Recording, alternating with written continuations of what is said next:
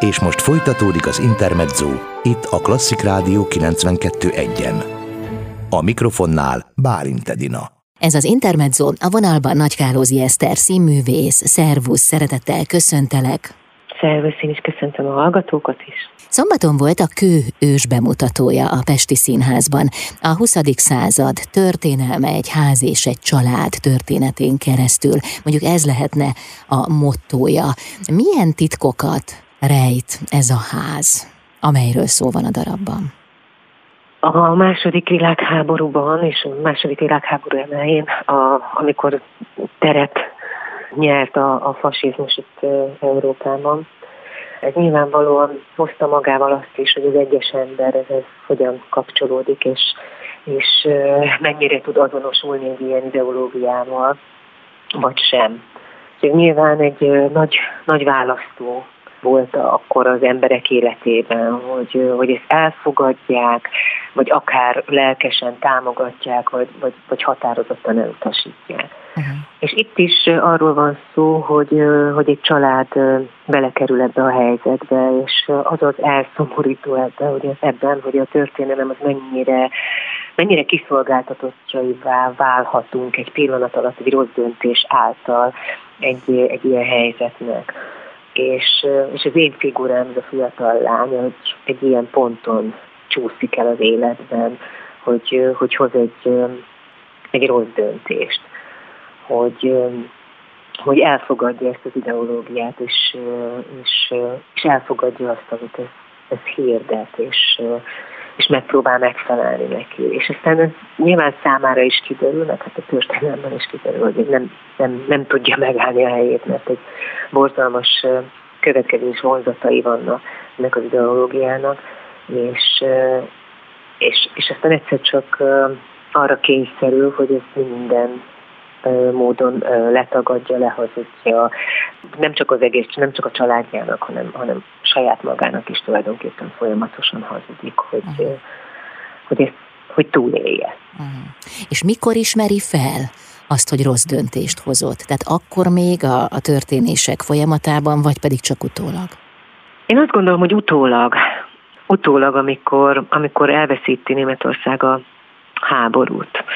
És, és szerintem csak akkor jön arra rá, hogy, hogy ez milyen borzalmakkal járt. Tehát hogy én azt gondolom, hogy, hogy, hogy a, a háború után szembesült ezzel, és lehet, hogy nem is tudott mindenről, nem is tudta pontosan, hogy mi zajlik, és, és akkor döbbent rá arra, hogy ő tulajdonképpen ugyanúgy egy, egy katonája volt még, hogy civilben is, a katonája volt ennek a rendszernek. Ez a tragikus ebben, hogy akkor és ott nem ismeri fel az ember azt, hogy a, a rossz oldalon áll. Vagy olyan személyes motivációk vezérlik, akár a, a, az irigység, a kicsinyesség, tehát olyan, olyan emberi tényezők, amik, amikben nem veszi észre, hogy egyszer csak egy, egy nagyobb képezetnek ben, ben lett egy fogaskerék. Uh-huh.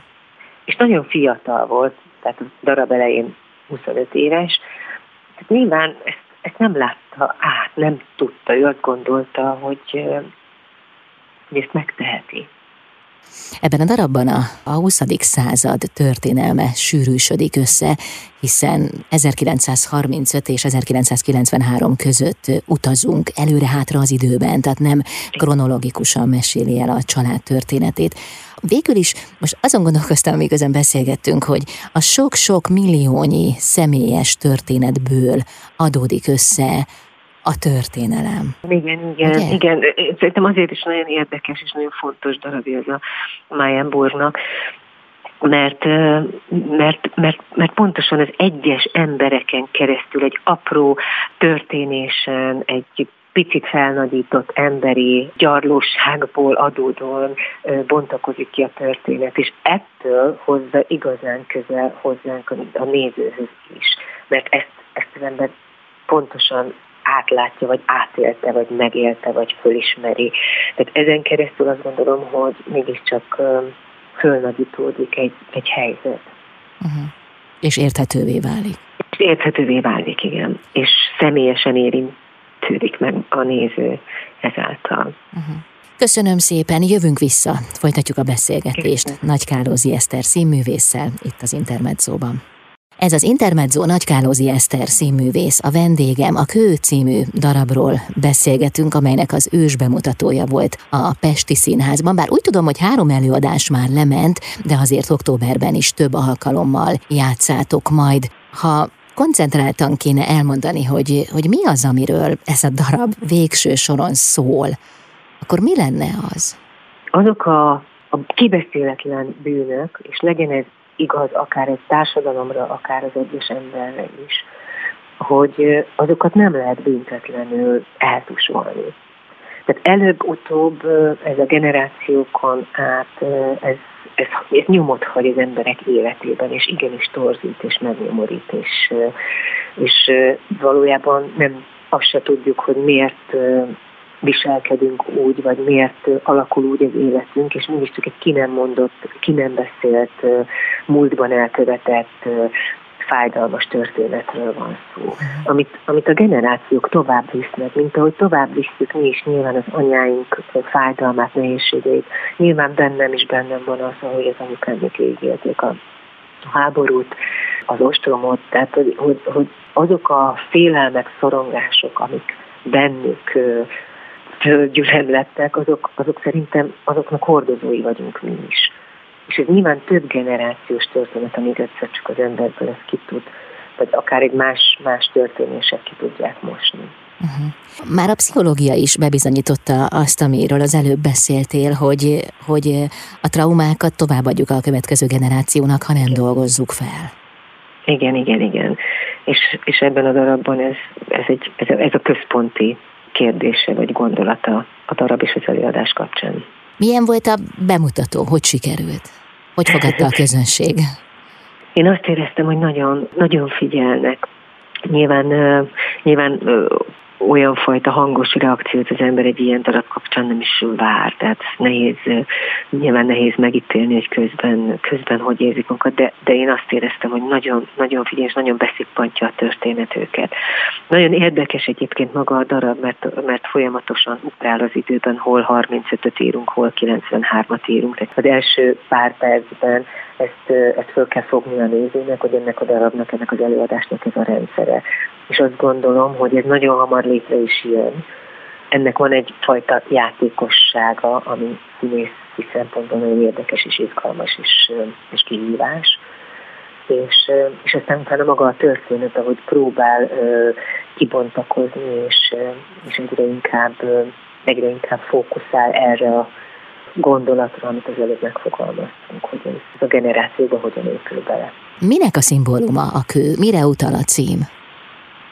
Nem tudom, erre a bűntudatra, erre a fájdalomra, ami kapcsolódik ehhez a házhoz. Minden, ami történt az életünkben, vagy a, a, a, a szereplők életében, az ehhez a házhoz nagyon-nagyon szorosan kapcsolódik. És nyilván a házból, a háztól, vagy a, vagy a, a házba becsapódó kő ö, szimbóluma, nyilván ez a lelkiismeret főzalás, a bűntudat, és az, hogy ez megtörtént annak a szimbóluma. Uh-huh. Köszönöm szépen. Folytatjuk a beszélgetést. Itt az Intermedzóban Nagy Kározi Eszter színművésszel. Intermezzo. Hétköznaponként 16 és 19 óra között Bálint Edina várja Önöket a legfrissebb kulturális információkkal, izgalmas vendégekkel és sok-sok zenével. Intermezzo. Itt a Klasszik Rádió 92.1-en. Ez az Intermezzo Nagykálózi Eszter színművész a vendégem, akivel a Kő című darabról beszélgetünk, amelynek az ős bemutatója volt a nemrégiben a Pesti Színházban. A Prágai Városi Színházak igazgatója rendezte ezt a darabot, Mihál Docsekál. Milyen volt a próba folyamat? Hogyan hangolódtatok egymásra? Azt gondolom, hogy nagyon, nagyon beleásta magát ebbe a történetbe, meg, meg a 20. századi történelembe. Azt hiszem, hogy nagyon-nagyon fontos számára, és fontosak ezek a darabok, amik, amik erről, erről szólnak, és lenyomatai ennek a, ennek a korszaknak, ennek a kornak, a második világháború előtte, alatta, és azután a következő időszaknak. Amiért meg még érdekes, mert nagyon sok párhuzam van tehát nyilván közép-európai népekről beszélünk, és ezért nagyon sok minden ugyanúgy zajlott Igen. ezekben az országokban, vagy nagyon hasonlóan zajlott ezekben az országokban. Tehát tudjuk, hogy miről beszélünk, nem kell elmagyarázni nekünk, hogy, hogy mi mit jelent, vagy mi miért történt, vagy, vagy miket éltek át, akár a szüleink is, mert abban a korban vagyunk, akkor mi szüleink még, még ezt, ezt első kézből el tudták sajnos mesélni. Tehát azt gondolom, hogy, hogy ilyen szempontból már van egy közös pont, mert, mert a darab az így összehoz minket, mert, mert értjük, mert tudjuk.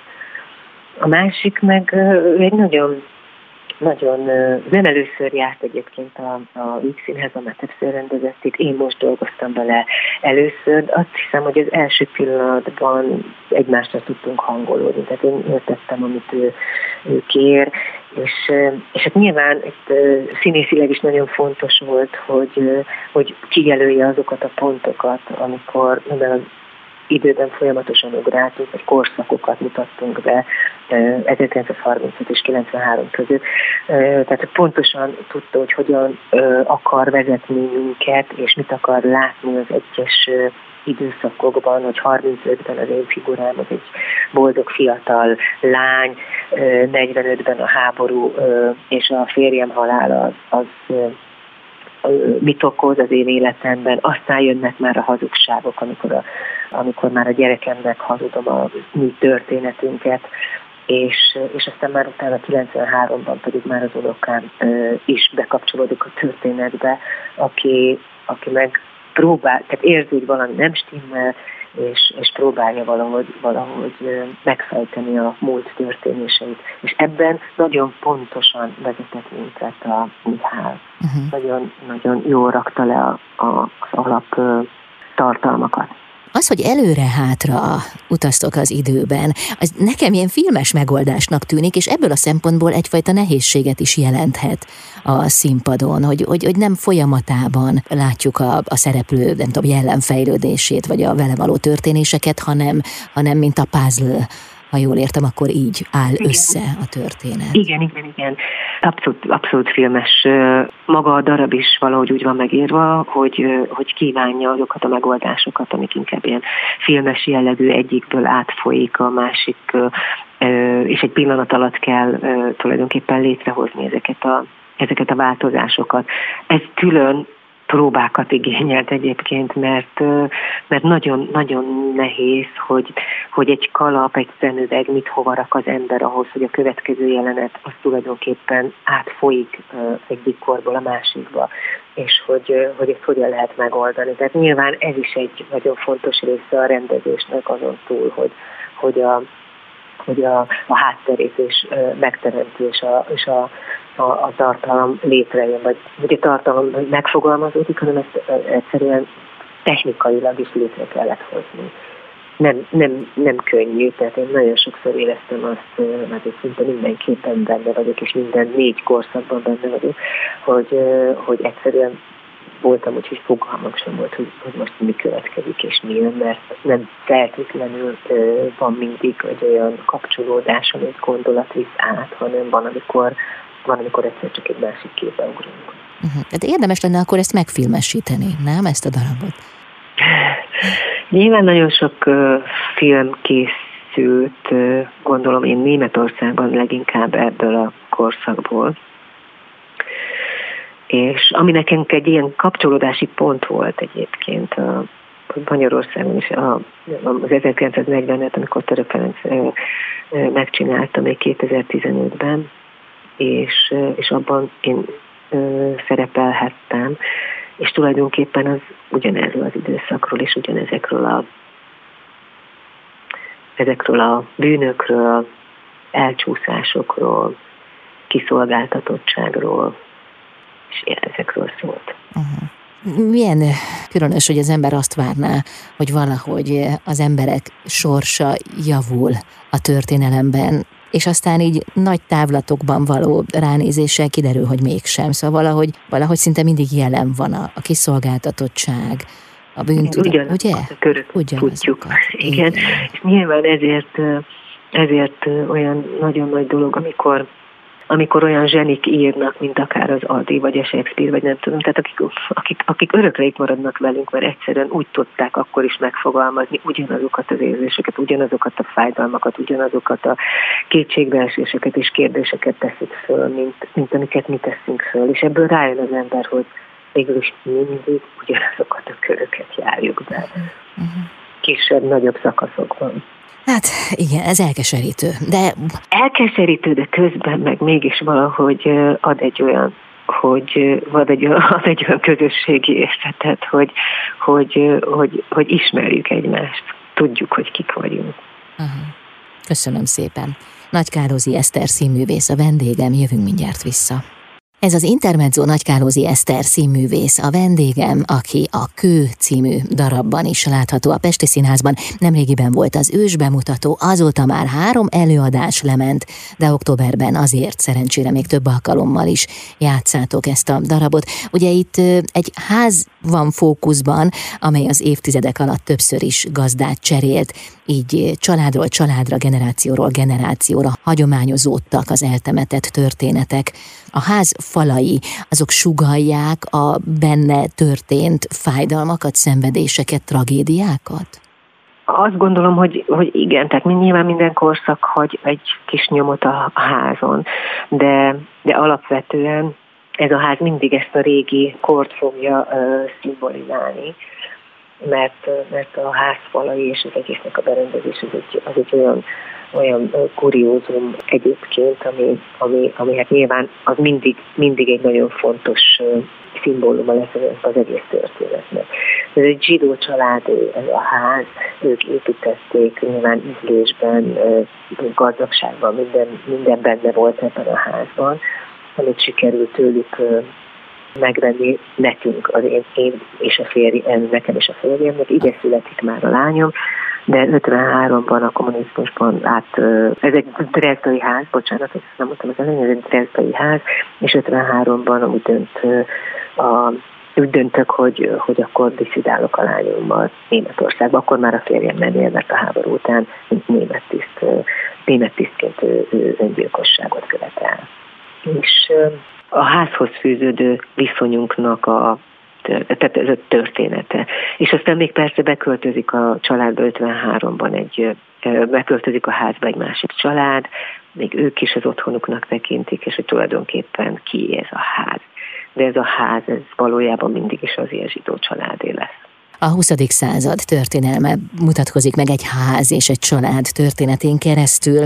Kik szerepelnek a darabban? Ugye a darab rendezője, ahogy elmondtuk, Mihály Docsekál, de kik vannak még jelen a színpadon melletted? Öten vagyunk nők, és egy férfi, a férjem szerepelő Telekes Péter játsza, a zsidó nőt Hegyi Barbara, akitől aztán a házat megvesszük, a lányomat Szilágyi Csenge, az unokámat Antóci Dorottya, és a kommunizmus idején beköltöztetett családból a, a fiatal, a kislány, az pedig Majsai Nyilas Tünde.